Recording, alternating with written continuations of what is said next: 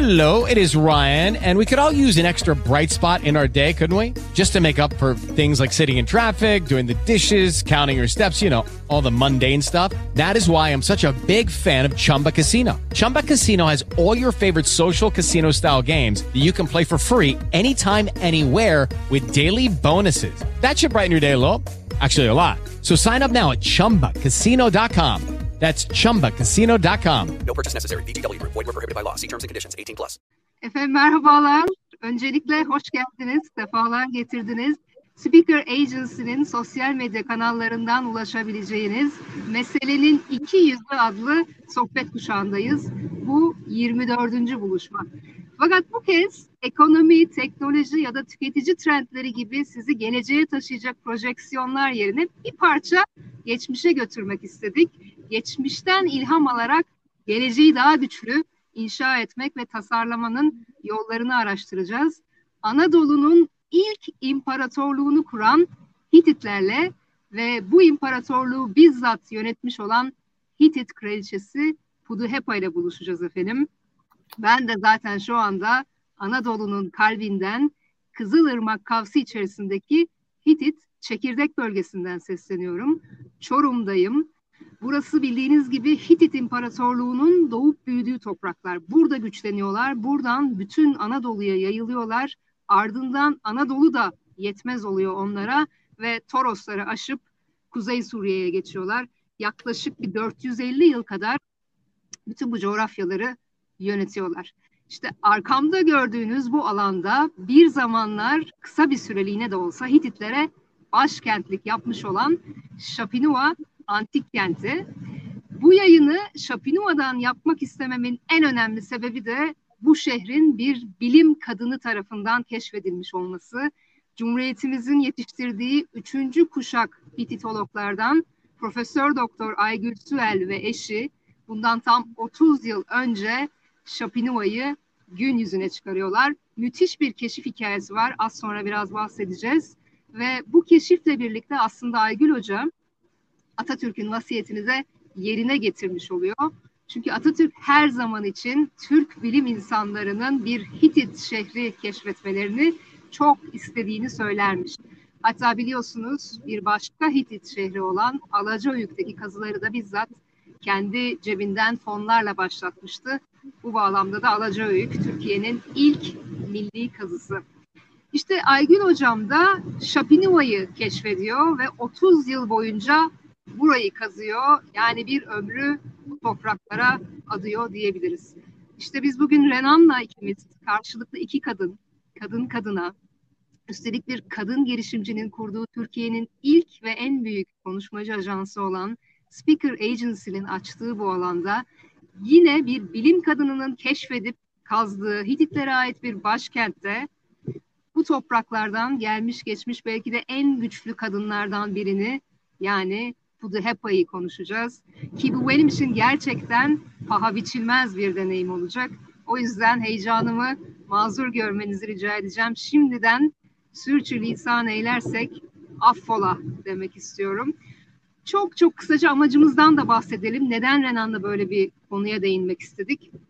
Şöyle şunu görüyoruz. Son hızla değişen bu dünyada belki de en önemli becerilerden biri aslında merkezimizde kalabilmek, merkezlenebilmek, köklenebilmek ve köklenmek derken de aslında öncelikle eğer mümkünse üzerinde yaşadığımız bu topraklardan başlamalı diye düşünüyoruz. Yani işte tam da bir numaralı post korona trendinin işaret ettiği gibi back to basics.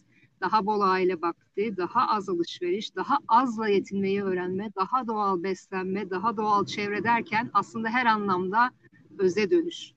Bizler için bu öze dönüş süreci tabii bir kolonya ile başlamıştı hatırlarsanız bundan bir, bir buçuk sene kadar önce ama artık sanırım yavaş yavaş biraz daha derinleşme, gerçek anlamda özümüzden, köklerimizden, köken mitlerimizden beslenme ihtiyacı hasıl oluyor gibimize geldi. Dolayısıyla da önümüzdeki şu bir saat içerisinde bizi biz yapan bu coğrafyaya yani Anadolu'ya, Anadolu'nun doğurduğu medeniyetlere ve bu medeniyetlerde kadının rolüne dair neler biliyoruz, neler bilmeliyiz, neleri unuttuk, neleri birbirimize hatırlatmalıyız.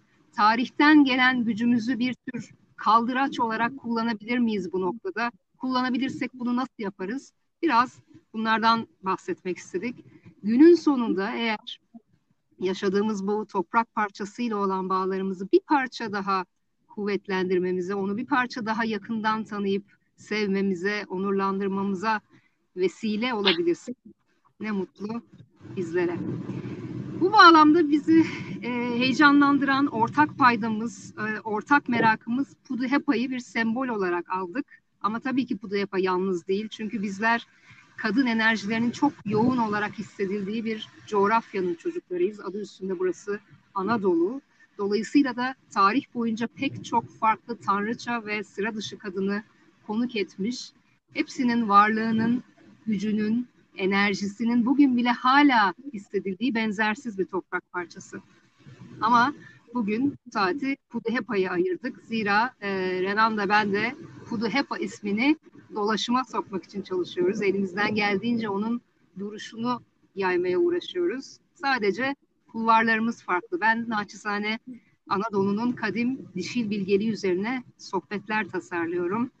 Her önüme gelene, duymak isteyen her kulağa Anadolu tanrıçalarını, kraliçelerini, imparatoriçelerini, hükümdar hatunlarını, valide sultanlarını, savaşçı kadınlarını, azizelerini, erenlerini ve e, unutulmaması gereken, e, iyi bilinmesi gereken kadın profillerini dilim döndüğünce anlatmaya uğraşıyorum. Sözlü gelenek üzerinden ben Anadolu kadınlarını anlatırken Renan da onları ete kemiğe büründürüyor aslında. Kendisi Puduhepa ve Kız Kardeşleri adlı girişimin fikir annesi yani yaratıcısı, kurucusu ve şu anda da yürütücüsü. Neler yapıyorlar? Mesela öncelikle Puduhepa'yı bir bez bebek formatına dönüştürüyor ki şu anda tam da yanımdalar kendilerim. E, gördüğünüz gibi bir e, Hitit başkentine gelirken yanımda bir Hitit kraliçesi bana eşlik etsin istemiştim. Sağ olsunlar beni kırmadılar.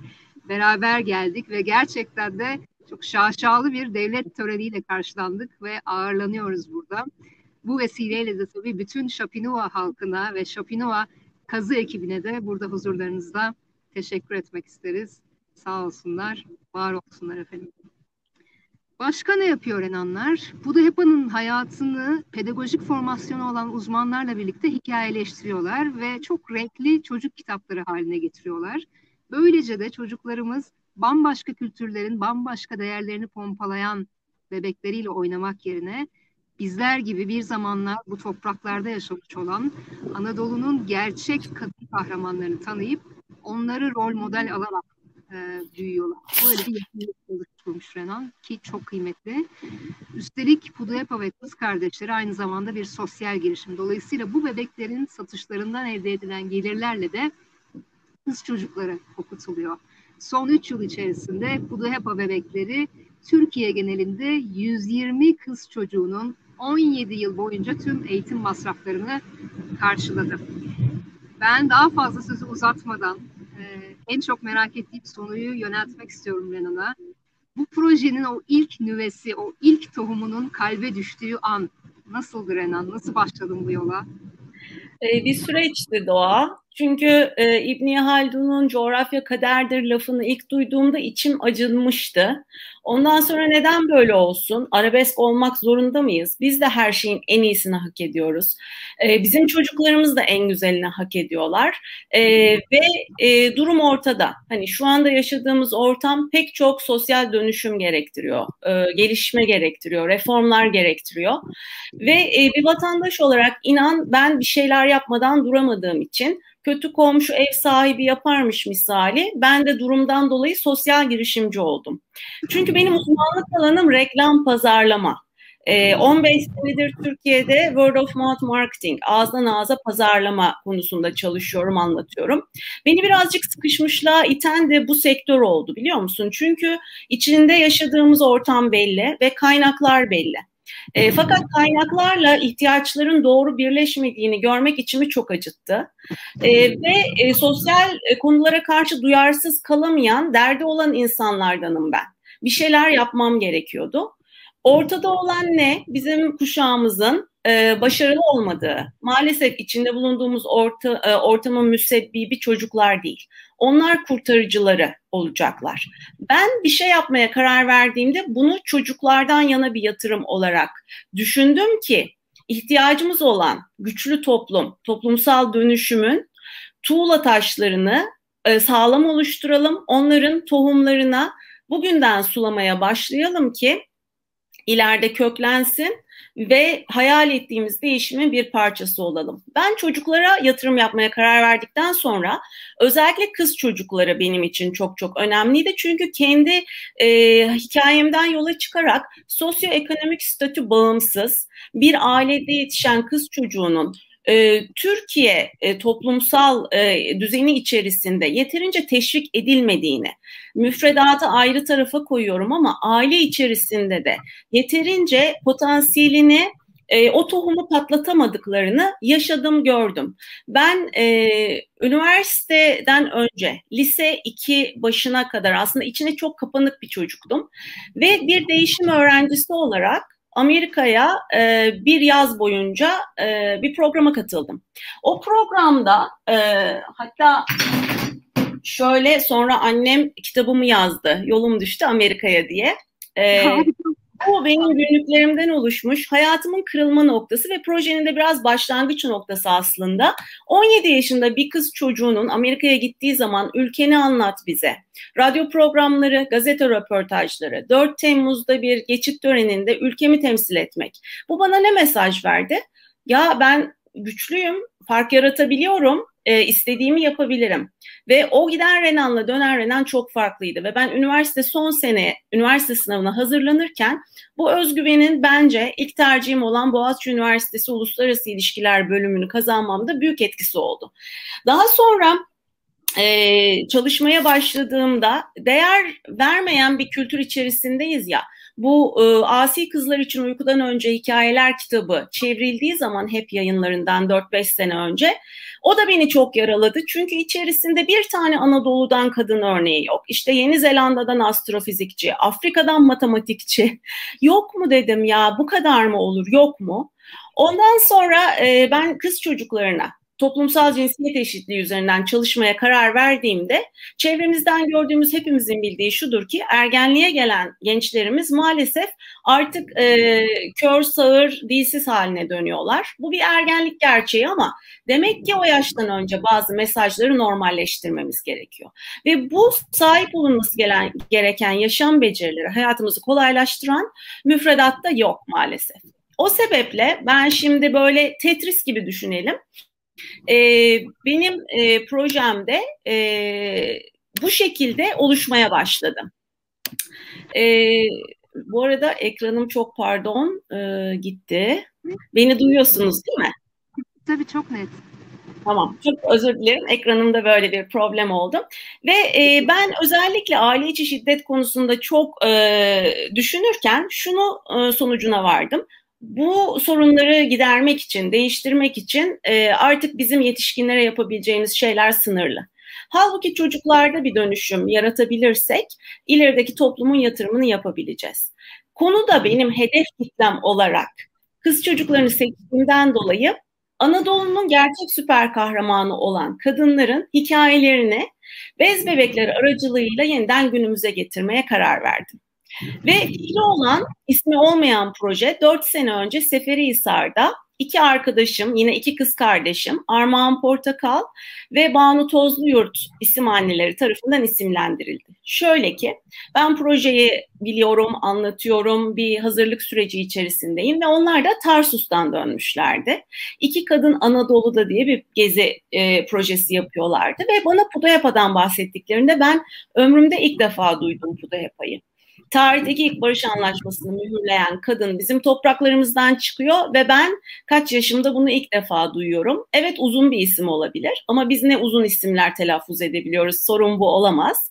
Evet bir markalaşma, bir reklam uzmanı olarak da Pudu Hepa ve kız kardeşleri gibi uzun bir isim Hey guys, it is Ryan. I'm not sure if you know this about me, but I'm a bit of a fun fanatic when I can. I like to work, but I like fun too. It's a thing. And now the truth is out there. I can tell you about my favorite place to have fun. Chumba Casino. They have hundreds of social casino style games to choose from with new games released each week. You can play for free anytime, anywhere and each day brings a new chance to collect daily bonuses. So join me in the fun. Sign up now at ChumbaCasino.com. No purchase necessary. VGW Group. Void were prohibited by law. See terms and conditions. 18 plus.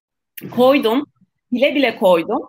E, çünkü e, içinde anlamını barındırıyordu. Dedim ki biz ana karakterimiz Pudahepa 3300 yıl önceden gelsin.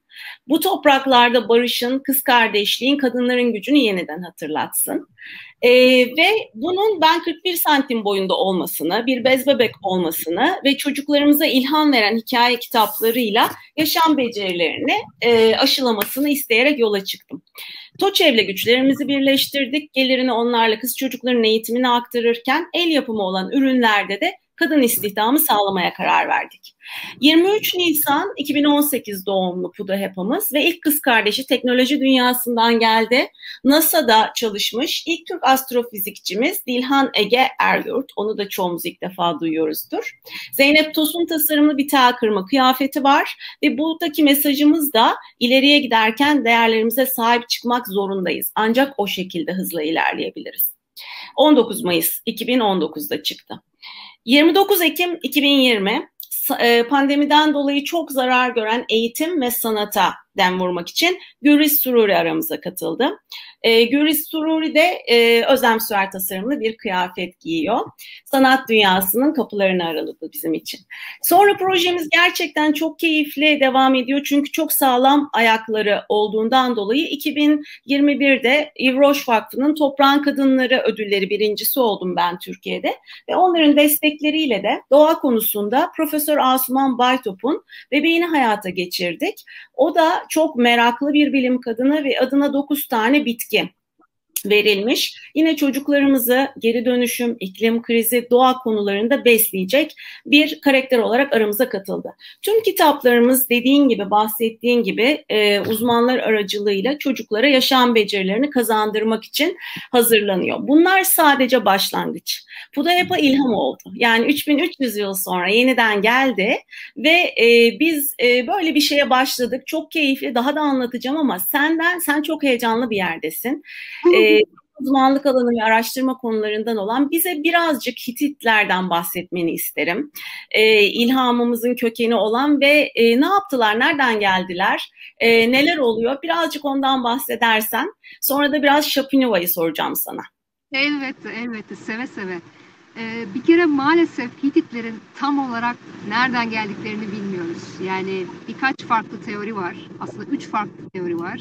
Kafkaslardan girmiş olabilecekleri söyleniyor. Balkanlardan girmiş olabilirler deniliyor. Bir de Mezopotamya'dan yukarı Anadolu'ya çıkmış olma ihtimallerinden bahsediliyor. Tam olarak ne zaman Anadolu'ya geldikleri de maalesef çok belli değil. Milattan önce 3. bin yılın sonlarına doğru gelmiş olabileceklerine dair bir takım teoriler var. Tabii Hititler bu topraklara geldiklerinde Anadolu da boş değil. Yani burası da çöl değil. Orta Anadolu'da ağırlıklı olarak Hattiler yaşıyor. Güneydoğu Anadolu'da ve Kuzey Mezopotamya bölgesinde de Huriler var. Tabii ki bunların dışında da böyle farklı farklı başka halklar da var ama iki ana unsur bu. Hattiler ve Huriler. Fakat bütün bu gruplar birbirinden bağımsız küçük beylikler veya prenslikler şeklinde organize olmuşlar. Böyle minik minik şehir devletçikleri e, halinde yaşıyorlar. Yani Hititler Anadolu'ya geldiklerinde burası bir puzzle e, görüntüsü veriyor. Çok parçalı bir e, yapı sergiliyor. Zaten Hititlerin en büyük başarısı da bütün bu parçaları birleştirerek bir noktada Anadolu'nun ilk siyasi birliğini kurmak oluyor. Ve zamanla Anadolu'nun ilk devletini ve ilk imparatorluğunu tabii inşa ediyorlar. Bir noktada da o kadar güçleniyorlar ki Anadolu da yetmez oluyor Hititlere. Torosları aşıyorlar, güneye iniyorlar, Suriye bölgesine giriyorlar. Hatta Güney Mezopotamya'ya kadar inip Babil'in hanedanını, o zamanki hanedanını deviriyorlar. Sonuç olarak çok çok kısa bir süre içerisinde Anadolu'nun bağrından kopan bu imparatorluk dönemin süper güçleri olan işte Mısır, Babil, Asur gibi imparatorluklara kafa tutabilecek seviyelere geliyor. Özellikle de e, çok güçlü bir orduları var. Savaşçı bir millet Hititler ve bir savaş makinesi gibi çalışıyorlar.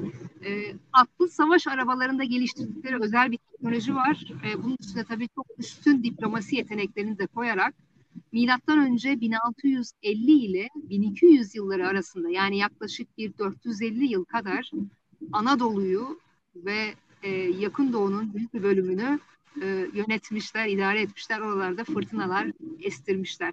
Çok çok kısaca belki böyle özetleyebilirim ben onu.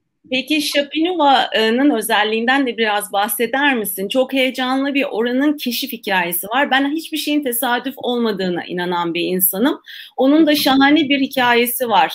Ee, Aygül hocaların keşfiyle ilgili. Onu paylaşır mısın bizimle? Böyle. E, burası yaklaşık 9 kilometre karelik devasa bir şehir aslında. Hititler için de çok kıymetli bir lokasyonmuş. Bunun birkaç sebebi var. Bir kere burası bir başkent. Ee, biz Hititlerin başkentini elbette Çorum, Boğazköy'deki Hattuşa olarak biliyoruz ki doğru zaten. Ama her ne hikmetse bu insanlar zaman zaman başkentlerini alıp farklı farklı lokasyonlara taşıma ihtiyacı etmişler çeşitli sebeplerden.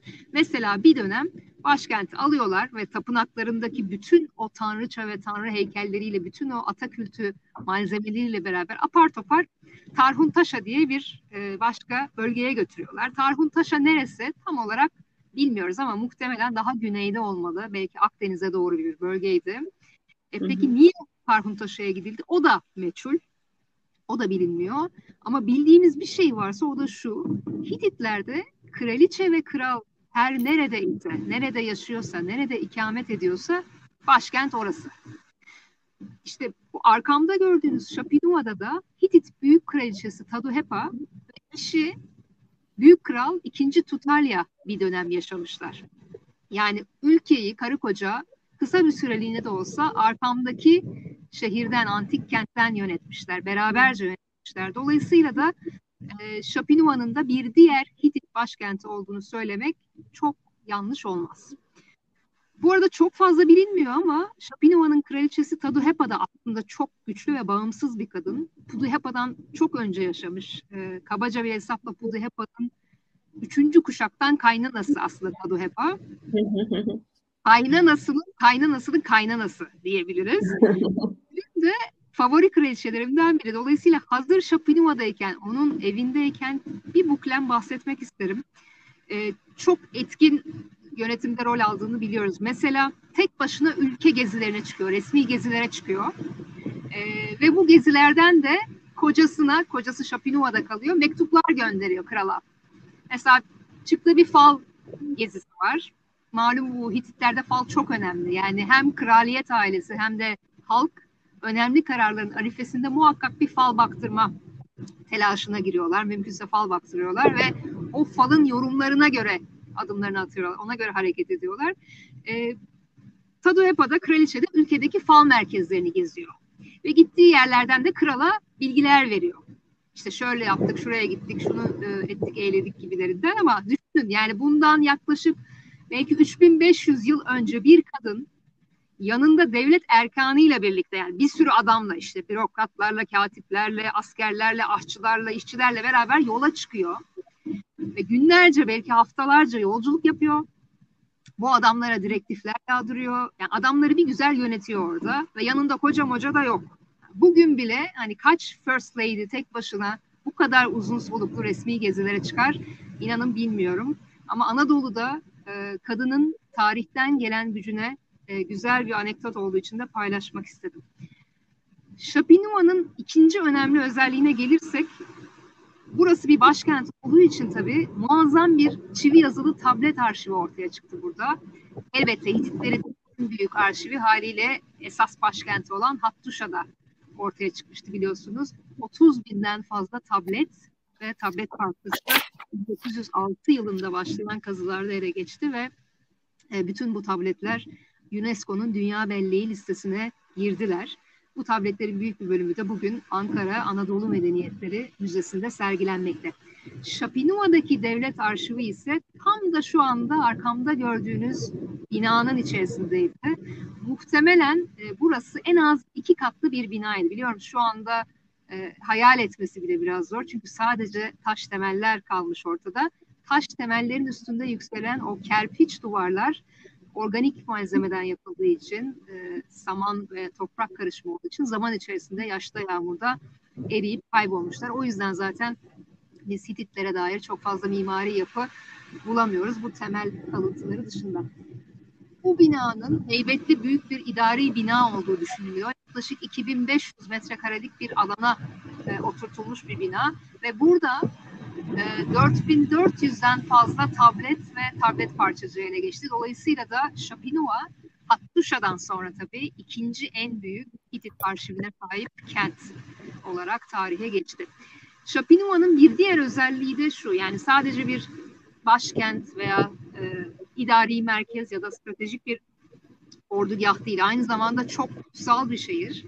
Bunu nereden biliyoruz? Çünkü burada insanların günahlarından arınmaları için uyguladıkları bir e, arınma ritüelinin metinleri yazılıyor. İtkalzi ritüelleri deniyor bu ritüellere. Şapinuva'da bu İtkalzi metinleri küçük küçük tabletlere yazılıyor. Sonra da ülkenin diğer şehirlerine gönderiliyor buradan.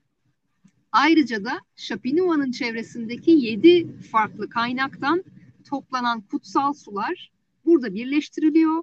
İşte okunuyor, üfleniyor nasıl bir ritüel yapılıyorsa. Sonra onlar da böyle küçük küçük şişelere dolduruluyor. O itkalzi metinleriyle, arınma metinleriyle birlikte o kutsal sular yine Hitit ülkesinin dört bir yanına gönderiliyor. Yani düşünün yedi farklı kaynaktan kutsal sular burada birleşiyor ve siz onu içip arınıyorsunuz. Benzer bir uygulama bugün tek tanrılı dinlerde de söz konusu aslında baktığımızda.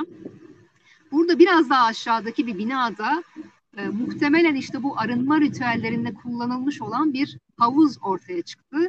Belki de deniliyor kraliçe Tadohepa ve kral veya kral bu havuzda arınıyorlardı. Hatta belki de Şapinua bu kadar kutsal bir kent olduğu için krali çift burada yaşamayı tercih etmişler. Bilemiyoruz sadece e, bir ihtimal. Bu anlattıklarım çok hoş ve güzel ama dediğim gibi benim için Şapinua'yı özel kılan şey bir bilim kadını tarafından keşfedilmiş olması. Keşif hikayesi bence çok heyecan verici o yüzden e, dediğin gibi Renan bir minik paylaşmak isterim.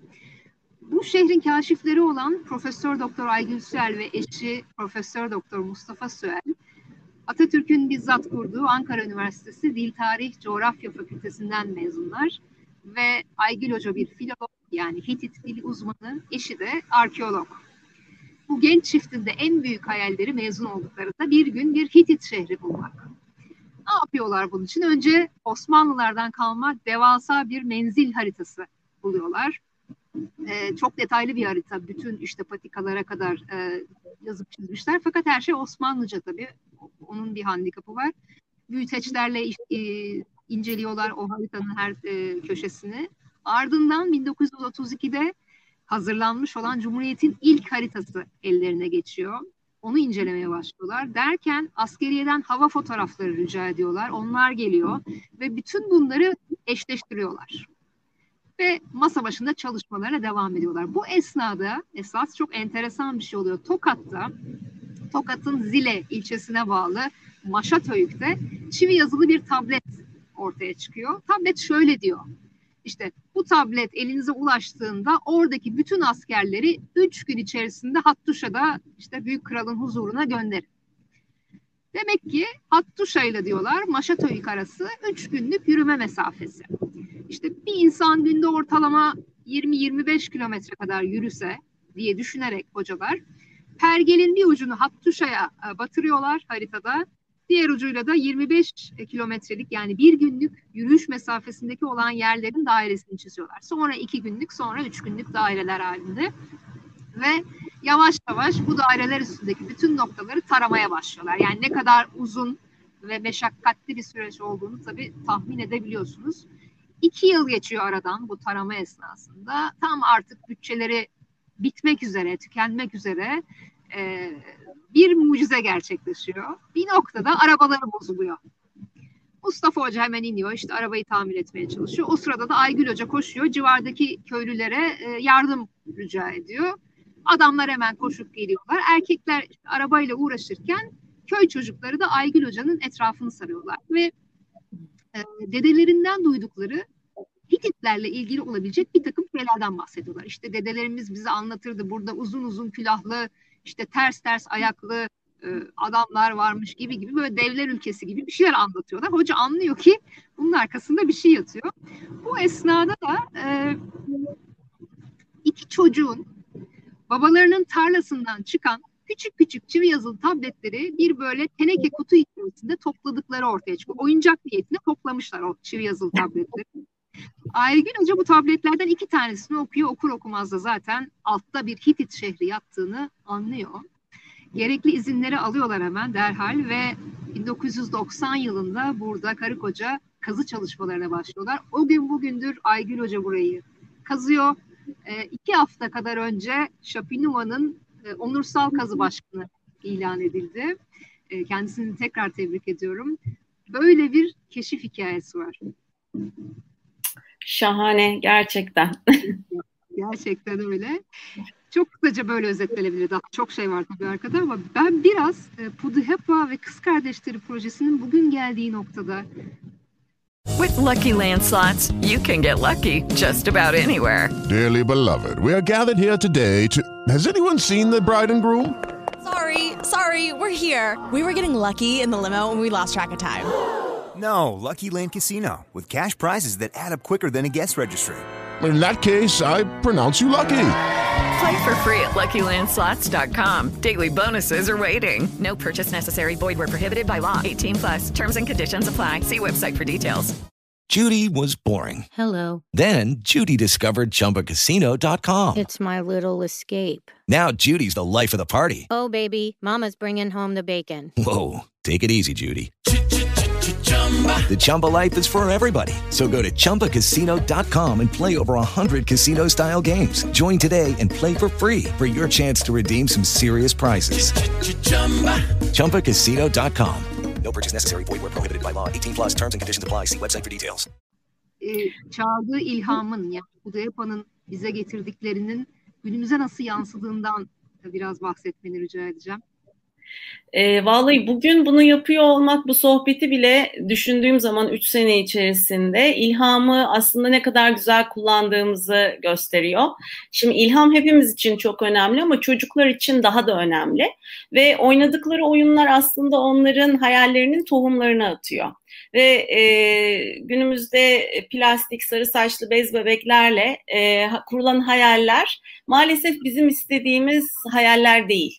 Yani e, bir Ken'le evleniyor olmak gibi bir hayal veya havuzlu evler, arabalar, setler, kocaman arabalar bunlar e, evler ne kadar gerçekçi, çocuklarımıza ne kadar doğru aslında şeyler öğretiyoruz bana çok sorgulattı açıkçası. O yüzden ilham kaynağı olarak oyuncaklarsa, oyunlarsa bahsettiğimiz biz tabii ki bu e, elimizdekileri araç olarak geliştirdik ve hatta yaptığımız her toplantıyla gelen her kurumsal destekle de piyasada olmayan ama olması gereken o kadar güzel ürünler üretmeye başladık ki bizim ilham dünyamız büyümeye devam edecek. Ama gerçekten evet ilham olsun, doğru kişilere ilham olsun ve kaynak olsun çok önemli. Bu kaynak kimlere lazım biliyor musun? Biz çocuklara bebeklerimiz ve e, çok çok şahane tasarımlı hikaye kitaplarımızla e, çok güzel bazı yaşam becerilerini aktarmaya çalışıyoruz.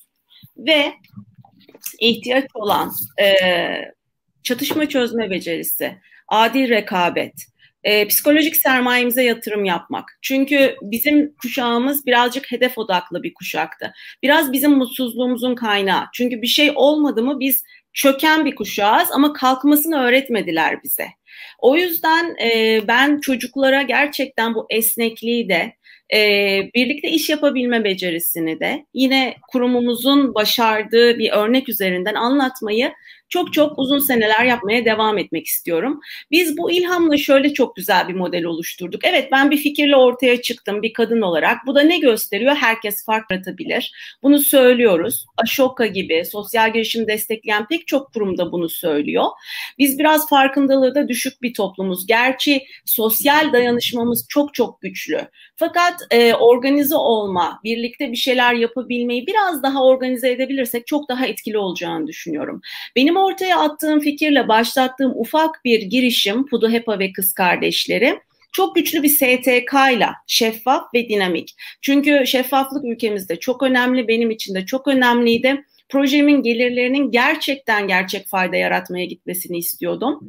E, o sebeple bir işbirliği oluşturduktan sonra kaynaklarımızı, finansal kaynaklarımızı ihtiyacımız olan kurumlardan gelmeye başladı. Çünkü kurumlarımızın da gerçekten e, güçlü projelere ihtiyacı var Türkiye'de kendileri içlerinde yapabilenler var, bu gücü olanlar var, buna yatırım yapabilecek olanlar var ama tekeri yeniden keşfetmeye gerek yok veya hali hazırda olanları desteklemek kıymetli. Ben nasıl e, Dilhan Ege Eryurt için bir bilim kartı seti çıkarmaya karar verdiğimde gidip Türkiye'de olan Hayal Gücü Merkezi gibi, Stellar Lab gibi hali hazırda bu işi çok iyi yapan arkadaşlarla güçleri birleştirip bir ürün çıkarıyorsam aynı şekilde kurumlar da desteklerini bizim gibi pek çok sosyal girişim var. Ve şimdi artık e, ekonomi ve e, girişim dünyasında dünyada baktığımızda startupların çok fazla yer tuttuğunu görüyoruz ya büyük firmalar yerine. Aynı şekilde bizim sosyal girişimlerimizin de küçük küçük birleşerek güçlerinin çok büyük bir etki yaratacağına inanıyorum. Zaten ben günün sonunda iyiliğin kazanacağına çok eminim. Yani bu bir geçici süreç. Biz şu anda birazcık e, sürünüyor olabiliriz ama bu tamamıyla geçici bir süreç. E, özümüze dönmek, bu süreçte işbirliğini yeniden öğrenebilmek, dayanışma görüyoruz, örneklerini görüyoruz ama burada yanlış bilgilere e, de gitmemek lazım. O yüzden insanın e, bilgiye nasıl doğru ulaşabileceğini bilmesi de önemli bilgiye ulaşmak artık kolay. Doğru soruyu sorabilmek çok önemli. Benim en büyük hedeflerimden biri çocukların doğru soruyu sormayı öğrenmeleri. E, modele geri dönersek ben bir sosyal girişimim, STK'm var ve güçlü kurumlardan da desteklerimi alıyorum. Sağ olsun ödüller olsun, hibeler olsun, yarışmalar olsun çok çok güzel besleniyor projemiz. Ve bir de ne eksik kaldı? Tanıtım kısmı. O kısımda da inanılmaz güçlü bir örnek vermek istiyorum. Şöyle ki işte influencer marketing, farklı farklı çalışmalar e, ruh çok önemli, inanmak çok önemli ve e, tabii ki evriliyor. Ben de bir pazarlama reklam dünyası profesyoneliyim, görüyorum. E, ama doğru ve gerçek bir şeyleri yapmak çok önemli. Pek çok paralar harcanarak yapılan çalışmaların etkisiz olduğunu görürken şu örneği anlatmak istiyorum Doğa. Geçen hafta e, arkadaşımız e, Speaker Agency konuşmacısı Bahar Eriş e, kendi sosyal medya hesabından Barbie'nin çıkardığı yeni bebeklerle ilgili bir post paylaştı. Ve altında da e, ama dedi Türkiye'de de bunu Pudayapa ve kız kardeşleri şahane yapıyor dedi. Ve bu cümle bize iki gün içerisinde 5000 yeni takipçi getirdi ve e, inanılmaz bir satış sağladı. Aynı şekilde birkaç hafta önce de Armağan Portakal Kaz Dağları'nı gezerken Asuman'ı e, zeytin ağaçlarına oturtmuştu. O zaman da biz yine tarihimizin en yüksek satışlarını görmüştük. Burada hani pazarlama dünyasının içinde olan bir insan olarak şunu demek istiyorum. Biz ne gazeteci yazıları yaptık, yine organik doğal, ne televizyonlara çıktık, neler neler oldu ama gerçekten organik olanı çok kıymetli. Bunu da ispatlayan aslında bir model oldu. Ve biz örneğin Güris Sururi e, bebeğini çıkardığımız zaman pek çok ünlü e, moda, e, tiyatro sanatçısı canı gönülden hiçbir şey istemeden çünkü insanlar iyiliğin parçası olmak istiyorlar. Sadece onlara bir neden, bir araç, bir e, yol göstermemiz gerekiyor. Ben de bizim bu yolu çok çok e, net açtığımızı düşünüyorum. Çok güzel bir alan açtığımızı yaptığımızı düşünüyorum. E, proje Üçüncü senesinde dediğin gibi evet 120 tane kız çocuğumuzun eğitimini destekledi ve kadın istihdamı kısmında da gittikçe güçlenerek devam ediyor. Bunlar çok çok kıymetli. Çünkü her kadının cebine giren nakit para o ay onun hayatında fark yaratıyor ve onun çocuklarına karşı güçlü duruşu, istediğini yapabilmesi çok kıymetli. Kadınların kazandıkları paranın hepsini çocuklarına harcadığını biliyoruz hani erkeklerden farklı olarak ve e, faydalı şeyler yapıyorlar. Bu yüzden kadının güçlü olması, kendine güvenen, sağlam e, bir anne modeli sergiliyor olması ilerideki toplum için çok çok kıymetli. E, yani farklı bir dünya inşa ettik biz burada. Umut dolu, ilham dolu e, ve geleceğe güvenle bakan. E, evet aynı topraklarda yaşıyoruz ama elimizden geleni yapmanın e, rahatlığıyla yaşıyoruz. Çünkü herkes bir şey yaparsa aslında e, o zaman çıkacağız aydınlığa diyorum. Şimdi ben e, projeden böyle bahsettim biliyorsun dört tane kızımız var ama Şimdi olay ilham kaynağı ve e, bir e, mühürden bahsettik ki sen çok bahsedeceksin. Bu Pudayapa'nın kendi şahıs mührü ve biz de marka logomuzu aslında bundan ilham alarak şu şekilde stilize ederek oluşturmuştuk. E, çok çok detaylarımız böyle şirin şirin var ama şimdi senden ricam bize birazcık bu e, Kadeş Anlaşması dediğimiz bizlerin Kadeş dediği ama dünyada e, tarihin ilk barış anlaşması olarak bilinen e, bu barış anlaşmasını biraz anlatman, öneminden bahsetmen. Ondan sonra e, ben yine Pudayapa ile ilgili bir şeyler söylemek isterim. Kesinlikle. Çok büyük keyifle. Tabii Pudayapa'yı konuşacaksak Kadeşsiz olmuyor zaten. Kadeş'i konuşacaksak Suriye'siz olmuyor. Dolayısıyla o dönem Suriye üzerinde dönen dolaplardan biraz bahsetmek istiyorum. İzninizle hikayeyi biraz e, bir miktar başa saracağım. Eğer mümkünse e, haritayı ekrana yansıtabilirse dostlar e, yakın doğu coğrafyasına biraz daha aşina olarak takip edebiliriz. Evet günümüzden neredeyse 3300 yıl kadar öncesine götüreceğim sizi. Yakın doğuda o dönem bir avuç büyük devlet var veya namı diğer süper güç var. Bunlardan iki tanesi de Hitit ve Mısır. Her ikisi de tabii Doğu Akdeniz'de ama özellikle de Doğu Akdeniz limanlarında yani Suriye'nin kıyı şeridinde diyelim egemenlik peşindeler. Tıpkı bugün aslında Amerika ve Rusya'nın e, Suriye mücadelesi gibi bir şey. Yani tarih tekerrürden ibarettir dedikleri tam da bu olsa gerek diye düşünüyorum. Suriye bugün hala e, paylaşılamayan bir coğrafya maalesef. Peki o dönemlerde niye bu kadar kıymetli diye baktığımızda bir kere inanılmaz zengin bir memleket çıkıyor karşımıza. Hem üretimleri var hem de ticaret üstleri çok kuvvetli. Üretim olarak zeytin, üzüm, şarap, madencilik ve tekstilde uzmanlaşmışlar. Ayrıca da Lübnan kıyıları boyunca o yüksek dağları hatırlarsanız dağlarda yoğun sedir ağacı ormanları var. Bu sedir de gemi yapımında kullanılan en dayanıklı ağaç türlerinden biri olduğu için çok kritik bir ham madde o dönemlerde. Ticarette de e, önemli bir noktada konuşlanmışlar. Çünkü aşağıda gördüğünüz Basra Körfezi'nden Dicle ve Fırat nehirlerini takiben kuzeye doğru çıkan o meşhur ticaret yolları Kuzey Mezopotamya'dan Suriye limanlarına bağlanıyor. Orada denize kavuşuyor ve oradan da tabii deniz yoluyla diğer memleketlere dağılıyor. Dolayısıyla herkesin gözü Suriye'de ve Suriye'nin bu ultra karlı Doğu Akdeniz limanlarında, ticaret yollarında. İşte gel zaman git zaman e, iki süper güç, bölgenin iki süper gücü Hitit ve Mısır arasında tansiyon giderek yükseliyor. E, ve sonuçta iki orada Asi Nehri kıyısındaki Kadeş'te çarpışacak ama savaşa geçmeden önce dilerseniz bu Kadeş şehrinin yerini bir saptayalım. Asi Nehri'ni coğrafya derslerimizden hatırlarsınız. E, tuhaf bir şekilde Suriye'deki Golan tepelerinden doğuyor bu, bu nehir. Yukarı doğru tırmanıyor ve biz Antakya'dan denize dökülüyor. Yani zaten ters aktığı için Asi Nehri denir. Kadeş şehri de işte Suriye'nin bugün Humus bölgesinde Asi Nehri'nin batı kıyısında yer alıyor. Bu haritada bakarsanız Mısır'ın hakimiyet bölgesini göreceksiniz. Böyle hafif e, koyu kahverengi, farklı bir kahverengidir. İşte bu Mısır'ın hakimiyet bölgesi olan kahverengi alanın en kuzey ucunda Kadeş. O noktalarda diye düşünün.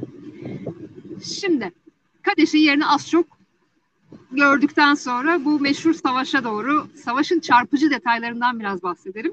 Şimdi dönemin Mısır firavunu 2. Ramses malum. Ramses Kadeş için yola çıkmadan önce Mısır ordusunu pasta gibi böyle dörde bölüyor. Dört farklı tümene ayırıyor. Her bir tümene de bir başka tanrının ismini vermiş. İşte Amon, Ra, Pıta, Set. Her bir tümende yaklaşık bir 5000 kişi kadar e, var, asker var. Ve tabii bir de Firavun'un özel e, kendi muhafız alayı var. Onlar da bir 5000 kadar. Yani Mısır ordusu toplamda aşağı yukarı bir 25 bin kişi kadar civarında. Şimdi eğer Ramses'in yazdıklarına bakacak olursak Hititler neredeyse kendilerinin iki katı kadarmış. Yani yaklaşık 47.500 kişi diye hesaplıyorlar Hitit ordusunu Ramses'in anlatımına göre ama bu Firavun biraz abartma oyuna sahip malum. Dolayısıyla da bu sayı ne kadar güvenilir o yorumu ben size bırakacağım.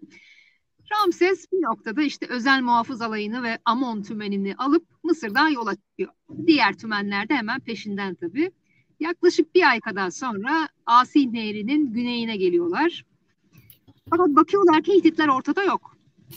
Bu esnada çok tuhaf bir olay oluyor. O bölgede Hititler için çalışan iki tane casus, bedevi casus Mısır kampına giriyor. Ve işte Hitit ordusunun zulmünden kaçtıklarını, Mısırlılara sığındıklarını söylüyorlar. Eleman e, diliyorlar. Ramses önce bir şüpheleniyor bunlardan. Fakat sonra hani o zaman nerede bu Hitit ordusu falan diye soruyor.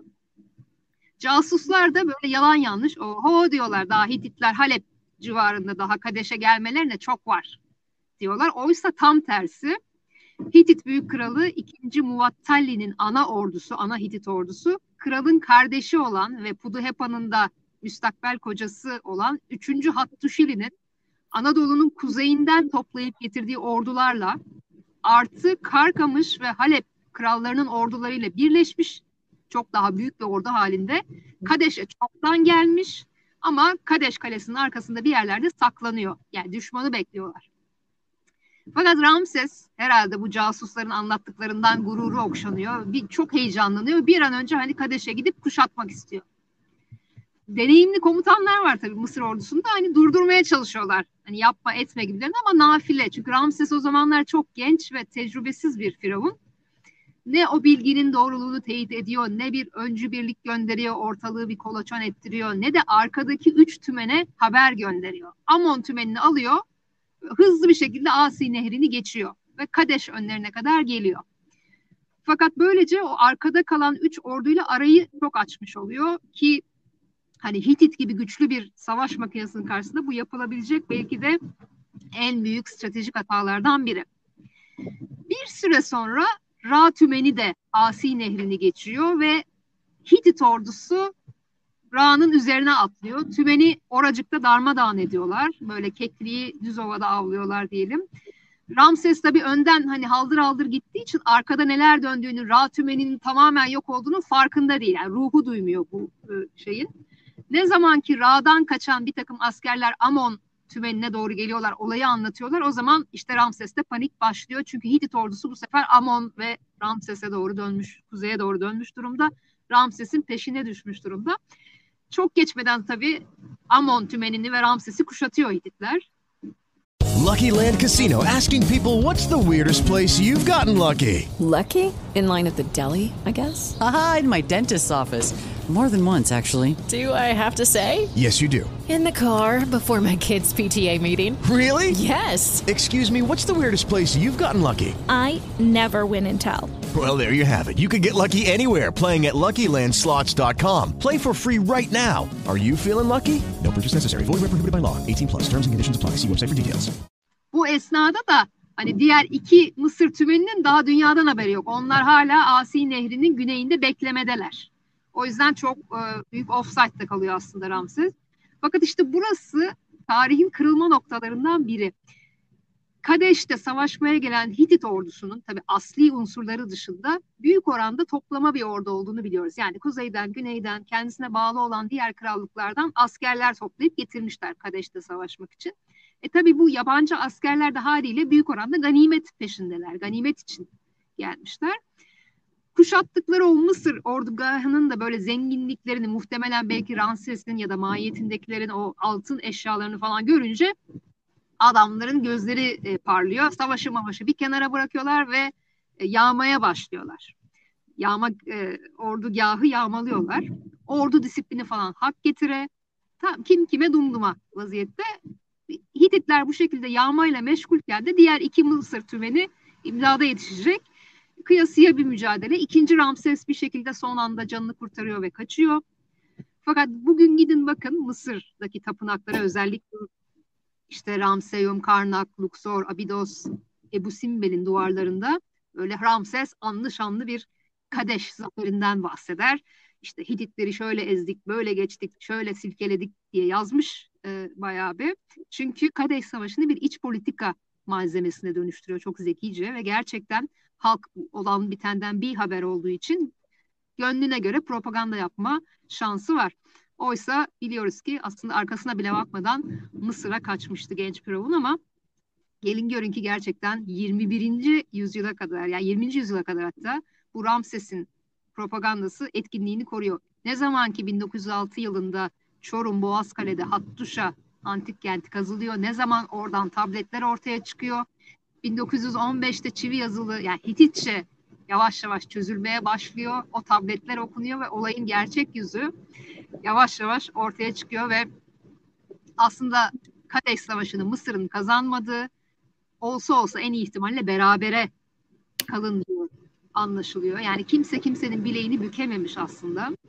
E, Ramses'in inandığı veya inandırmak istediği gibi Hititler pek yenilmişe benzemiyor. Bunu da nereden anlıyoruz? Savaştan önce Mısır tarafında olan Kadeş şehri ve Amurru krallığı savaştan sonra Hititlerin egemenliğine geçiyor. Yenilen bir imparatorluk olsa bu tarz bir lüksü olamazdı diye düşünüyor çoğu uzman. Dolayısıyla eğer Hititler yenilmişlerse de kendi nefslerine yenildiler diye düşünüyorum ben. O talan ve yağma işlemleri esnasında aslında kazandıkları bir savaşı belki de hediye ettiler. Şimdi bu Kadeş Savaşı'ndan yorgun argın evine dönen yani Anadolu'ya dönmekte olan Hitit Büyük Kralı'nın kardeşi 3. Hattuşili. Yol üzerinde Kizuvatna ülkesine uğruyor. Yani bugünkü Çukurova bölgesine. Burada Lavazantia adında çok ünlü bir kült şehri var. İşte Pudepa'nın babası da zaten bu kutsal şehrin baş rahibi. Çok çok ünlü, çok saygın bir rahip. Adamcağız kızını gelecek vaat ettiğini muhtemelen bir şekilde sezinlediği bu kraliyet ailesine mensup olan 3. Hattuşili ile evlendirmeye karar veriyor. Böylelikle de Pudepa'mız Çukurova'dan yola çıkıp ta yukarı ülkeye yani Anadolu'nun kuzeyindeki soğuk memleketlere gelin olarak gidiyor. Fakat tabii Hitit Sarayı'nda inanılmaz güçlü bir kişilik sergiliyor Pudepa. Olaylara çok hakim, yönetimde çok etkin bir kadın. Uluslararası ve ulusal politikalarda aktif rol oynuyor. Mesela Kadeş Barış Anlaşması arifesinde Mısır Firavunu 2. Ramses'le, Ramses'in karısıyla hatta annesiyle bile ayrı ayrı mektuplaştığını biliyoruz. Ramses de Pudiyapa'ya yazdığı cevap mektuplarında mesela ona kralla eşit tuttuğunu, kız kardeşim diye hitap ettiğini görüyoruz. Hititlerin çağdaşı olan diğer kültürlerde mesela Mezopotamya'da veya Mısır'da saray kadını hiç bu kadar etkin değil. Yani Mısır'da firavun eşleri belki birkaç dini törene katılıyorlar ama Hitit kraliçeleri hemen hemen her ortamda eşleriyle beraber hareket ediyorlar. Pudeyapa da bunun en güzel örneklerinden biri. Şimdi dilerseniz e, barış anlaşmasından biraz bahsedelim. Bir kere Kadeş Savaşı'ndan 16 yıl sonra imzalanacak bir anlaşmadır bu. Belki arkadaşlar ekrana getirebilirler o anlaşmanın. Evet, çok teşekkürler. Bu anlaşmamızın e, kil tablet üzerindeki versiyonu. E, biz Kadeş Barış Anlaşması diyoruz. Bunu nedense bir tek biz söylüyoruz Renan. Aynı senin de dediğin gibi. Dünyada buna Kadeş Anlaşması denmiyor. Çünkü Kadeş Savaşı'ndan 16 yıl sonra e, meydana geldi. Neden bu kadar geç e, diye baktığımızda çok sebebi olabilir ama iki tanesi ön plana çıkıyor özellikle. Bir kere Pudeyapa'nın eşi yani 3. Hattuşili aslında yasal olarak kral olan ve tahtta bulunan yeğenine bir darbe yapıyor ve çocuğu kapar tahttan indiriyor. Haliyle tabii bu durum yurt içinde de yurt dışında da pek hoş karşılanmıyor. Dolayısıyla 3. Hattuşili'nin özellikle uluslararası arenada kendisine dost kazanması lazım ki hani meşruiyetini biraz daha sağlamlaştırmaya çalışsın insanların gözünde. Ve Mısır'da tabii bu bağlamda çok yüksek prestiji olan bir dost. Dolayısıyla Mısır'la dostluk kırmak istemesi gayet doğal. Bir başka konuda o dönem bölgede Asur tehdidi yavaş yavaş yükseliyor. Ve e, Hititleri de Mısırları da ikisinin de çıkarını ciddi şekilde tehdit etmeye başlıyor. Dolayısıyla bu anlaşma aynı zamanda Asur karşısında Hitit ve Mısır ittifakı gibi bir durum. Yani NATO'nun beşinci maddesi gibi bir madde var hatta. Ne diyordu beşinci maddede? İşte kim ki NATO üyesi bir ülkeye saldırır, diğer tüm NATO üyeleri de ona karşı e, koyarlar gibi çok benzer bir madde Kadeş'te de var. Sonuçta milattan önce 1274 yılında birbirine denk iki devlet arasında dünyanın bilinen ilk uluslararası yazılı barış anlaşması imzalanıyor. Normal şartlar altında böyle bir e, anlaşmanın altında mesela kimin mührünü görmeyi beklersiniz? İşte anlı şanlı Hitit kralı 3. Hattuşili ile Mısır firavunu 2. Ramses'in. Ama işte o noktada Anadolu'da kadının gücü devreye giriyor ve Puduhepa'da kocasıyla beraber bu anlaşmaya mührünü basıyor. Belki arkadaşlar ekrana getirirler şimdi o mührü. Tabii hükmetme gücünü sonuna kadar kullandığını, çok kudretli bir kadın olduğunu görüyoruz bu mühürle beraber. Her ortamda da kocasıyla eşit konumda olduğunun altını çiziyor. İlk anlaşma girişimini Hattuşili başlatıyor yani Hitit tarafı başlatıyor. Hattuşili bir gümüş tablet alıyor onun üzerine e, anlaşma metnini yazıyor. Üzerine hem kendi mührünü hem de Puduhepa'nın mührünü basıp Mısır'a yolluyor. Fakat işte Mısır'a giden bu gümüş tablet kayıp. Orijinal tablet kayıp. Elimizde sadece bu gördüğünüz pişmiş toprak versiyonu var. Onun da alt tarafı kırık olduğu için biz Hattuşili ile Pudeyapa'nın orijinal bu anlaşmaya bastıkları mühürleri bilmiyoruz. Bu ekranda gördüğünüz mühür muhtemelen Pudeyapa'nın Kadeş'e bastığı mühür değildi. Ben bunu temsili olarak e, buraya koyuyorum. E, bu aslında kraliçenin şahsi mühürlerinden biri. Hititlerde e, kraliçelerin ve kralların çok farklı mühürleri var. Hem kendilerine ait şahsi mühürler bunlar hem de karı koca ortak mühürler olabiliyor. Belki dostlarımızdan rica edersek bu mührün e, bir çizimini de bize evet. Eğer mühür kırılmamış olsaydı muhtemelen böyle gözükecekti e, deniliyor. Burada e, dikkat ederseniz karşılıklı iki tane kadın başı var. Profilden çizilmiş kadınlar bunlar. Başlarının üzerinde de böyle mantar, mantara benzeyen bir şapka gibi bir şey var. İşte o mantar gibi olan şapka e, büyük demekmiş hieroglif yazısında. Profilden çizilmiş kraliçe başı da kraliçe anlamına geliyor zaten. Ortada da e, yukarıdan aşağı doğru hecelediğimizde Puduhepa yazıyor. Dolayısıyla oldu size büyük kraliçe Puduhepa. Bu onun şahsi mührü. Bu mühür bugün Adana Arkeoloji Müzesi'nde sergilenmekte çünkü Tarsus'ta bulundu. Zaten e, Pudayaba'da Kizguatnalı yani Çukuravalı olduğu için de gayet doğal. Ben de baba tarafından Kizguatnalı olduğum için böyle kendimi inanılmaz yakın hissediyorum. Belki de e, akraba olduğumuzu düşünüyorum Pudayaba'yla. Böyle de bir e, minik hayalim var. Şimdi bu Pudeyapa'nın Kadeş'e bastığı mührü tam olarak bilemiyoruz dedik ama bir takım ipuçları elde edebiliyoruz Mısır kaynaklarından. Şimdi Ramses o tapınaklara dilediğince e, yazıyordu ya gümüş tablet eline geçtiğinde anlaşma metni yine Karnak'taki tapınağa bir döktürmüş onu anlatmış ve bunu böyle Mısır için bir barış e, bir e, barış değil de bir başarı hikayesine dönüştürmüş. Yani biraz hafiften Hititleri aşağılayarak anlattığını görüyoruz bu, bu anlaşma metnini de bir propaganda aracına dönüştürüyor. Yani o günün boyalı basını gibi e, tapınak duvarlarındaki yazdırdığı yazıtlar. Şimdi Allah'tan ama o tapınak duvarlarına da e, bu anlaşmanın altındaki mühürlerin de tanımını yapmış. Nasıl mühürler olduklarını. Ben bir de şeyi çok merak ederim mesela. Ramses ilk defa o gümüş tableti eline aldı. E, baktı ve orada Pudehepa'nın mührünü gördü. Yani o andaki yüz ifadesini çok merak ediyorum. Hamdi kadınları belki haremde tığ işlerken hani bir kraliçenin uluslararası diplomasi yürüttüğünü görünce bayağı hani sarsılmış olmalı diye düşünüyorum.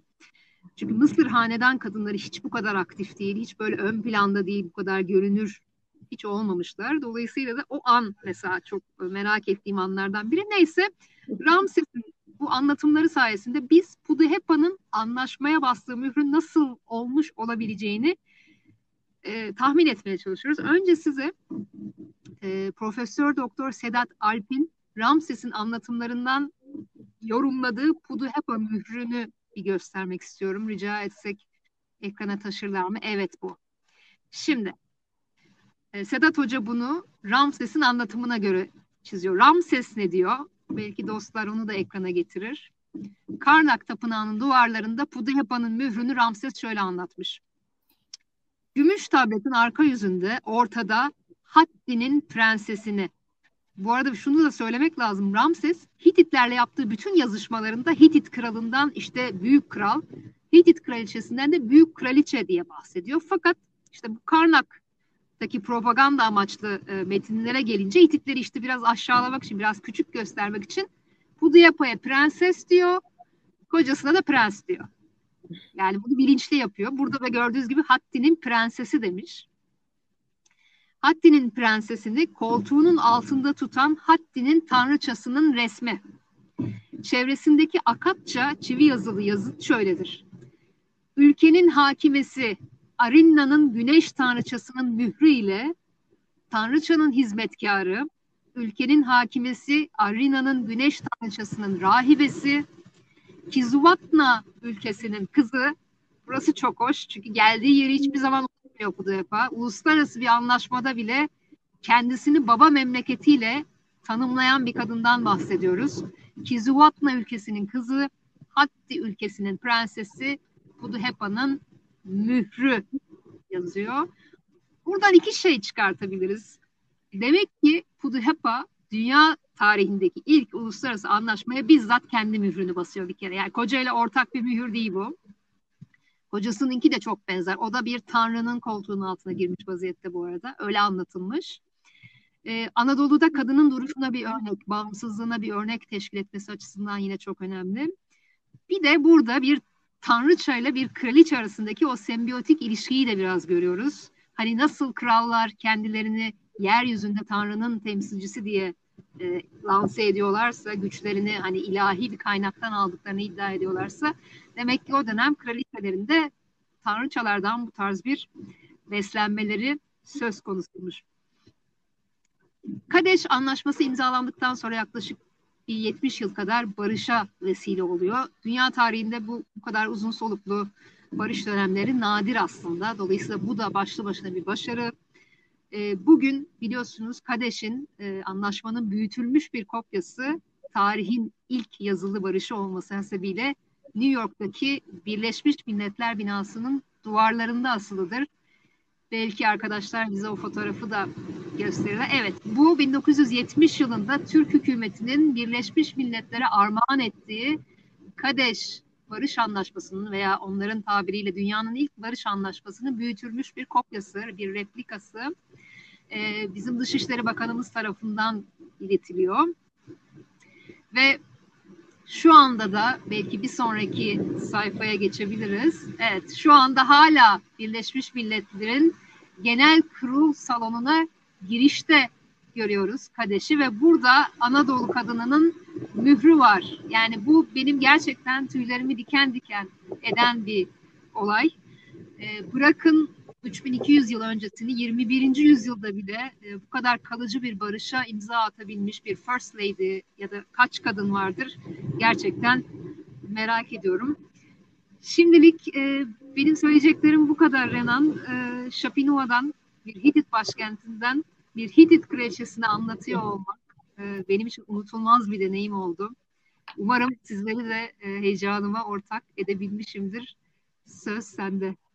Benim için de çok heyecanlı oldu gerçekten. Anadolu kadınları hakkında e, bir şeyler okumak isteyenlere bir tavsiye vereyim. Ben tavsiye vermeyi çok severim. E, Muhibbe Darga'nın Anadolu'da Kadın kitabında hem bu bütün mühürler hem de geçmişteki kadınlarla ilgili pek çok bilgi var. İnşallah ilham olabilmişizdir. İlham dediğim gibi çok önemli ve biz 3300 yıl önceden Puda Yapa'nın elinden tuttuk, getirdik. Biraz da size anlatmaya çalıştık dilimiz dilimiz döndüğünce. Ben de sana çok teşekkür ediyorum Doğa. Çok keyifliydi. Çok çok sevgiler herkese. Çok sağ olun.